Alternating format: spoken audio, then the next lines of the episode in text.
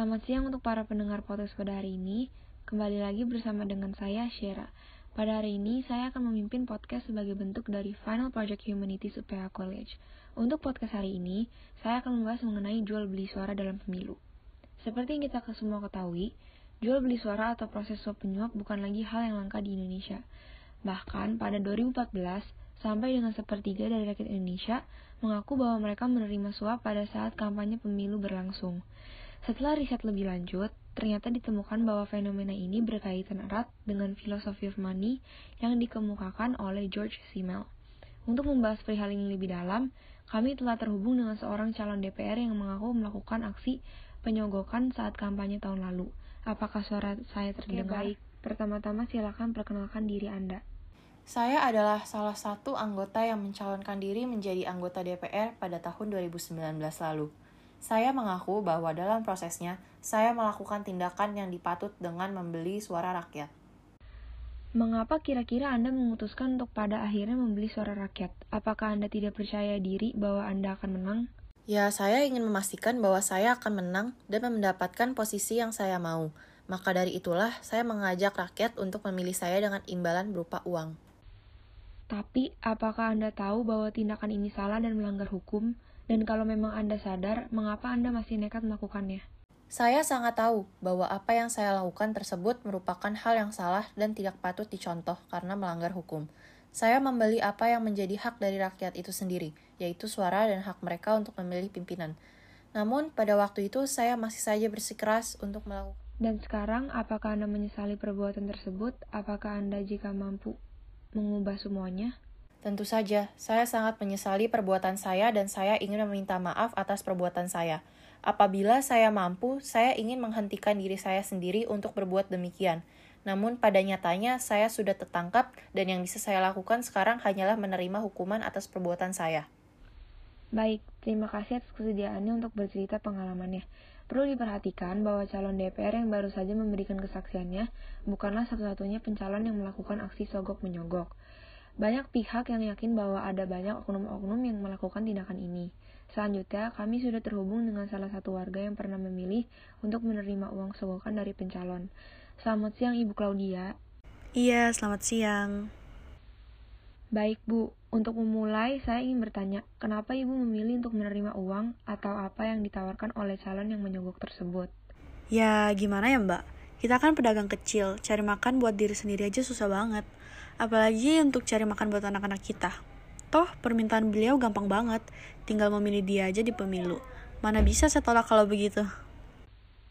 Memangnya Ibu tidak merasa hak pilih Ibu diambil?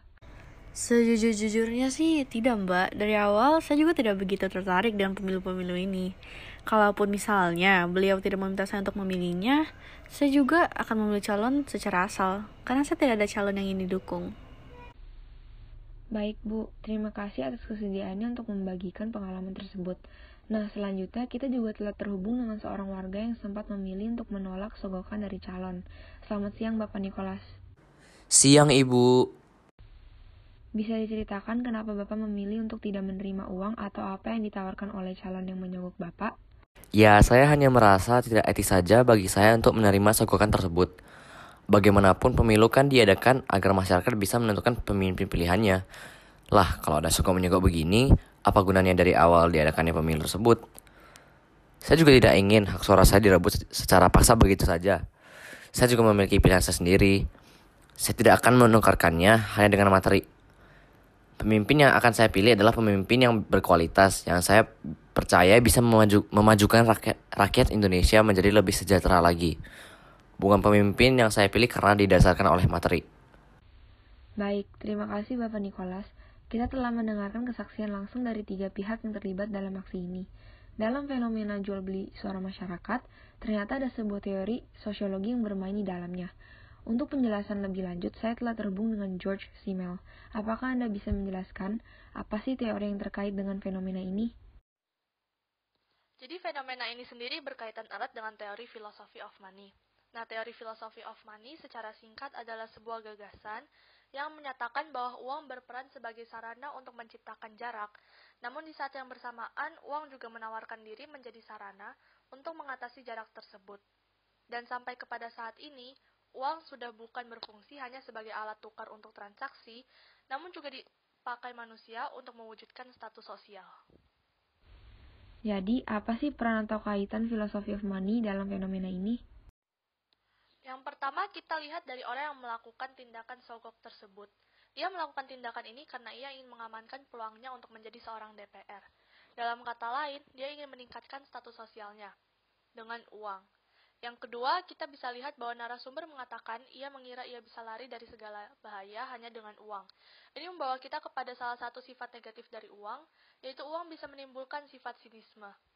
Sifat sinisme sendiri adalah sebuah pandangan yang menganggap bahwa semua itu bisa diselesaikan dengan uang. Mereka berasa berkuasa karena memiliki uang. Yang ketiga adalah uang bisa menjadi salah satu faktor pembuat jarak, namun juga menjadi sarana yang bisa menghilangkan jarak tersebut. Bisa kita lihat seorang calon DPR yang mapan dan seorang rakyat kecil. Mengapa mereka tidak berada di pergaulan sosial yang sama? Tentu saja karena uang, pendapatan mereka, dan harta. Namun dengan aksi jual beli suara ini, calon DPR akan mengenal rakyat, dan rakyat juga akan lebih mengenal calon DPR. Karena uang, mereka yang awalnya jauh menjadi dekat. Yang terakhir, walaupun mereka menjadi dekat dan kenal satu sama lain, hubungan mereka tidak didasarkan kepada keterkaitan emosional. Uang merusak hubungan impersonal antar manusia, padahal seharusnya hubungan yang dijalin manusia didasarkan oleh faktor emosional mereka.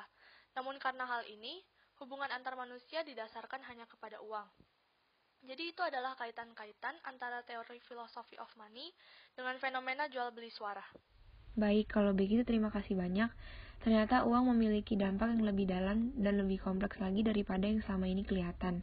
Jangan sampai uang mengubah hubungan manusia yang awalnya kualitatif menjadi kuantitatif.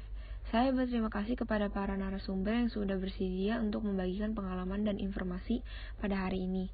Dan terima kasih telah mendengarkan podcast kelompok 6.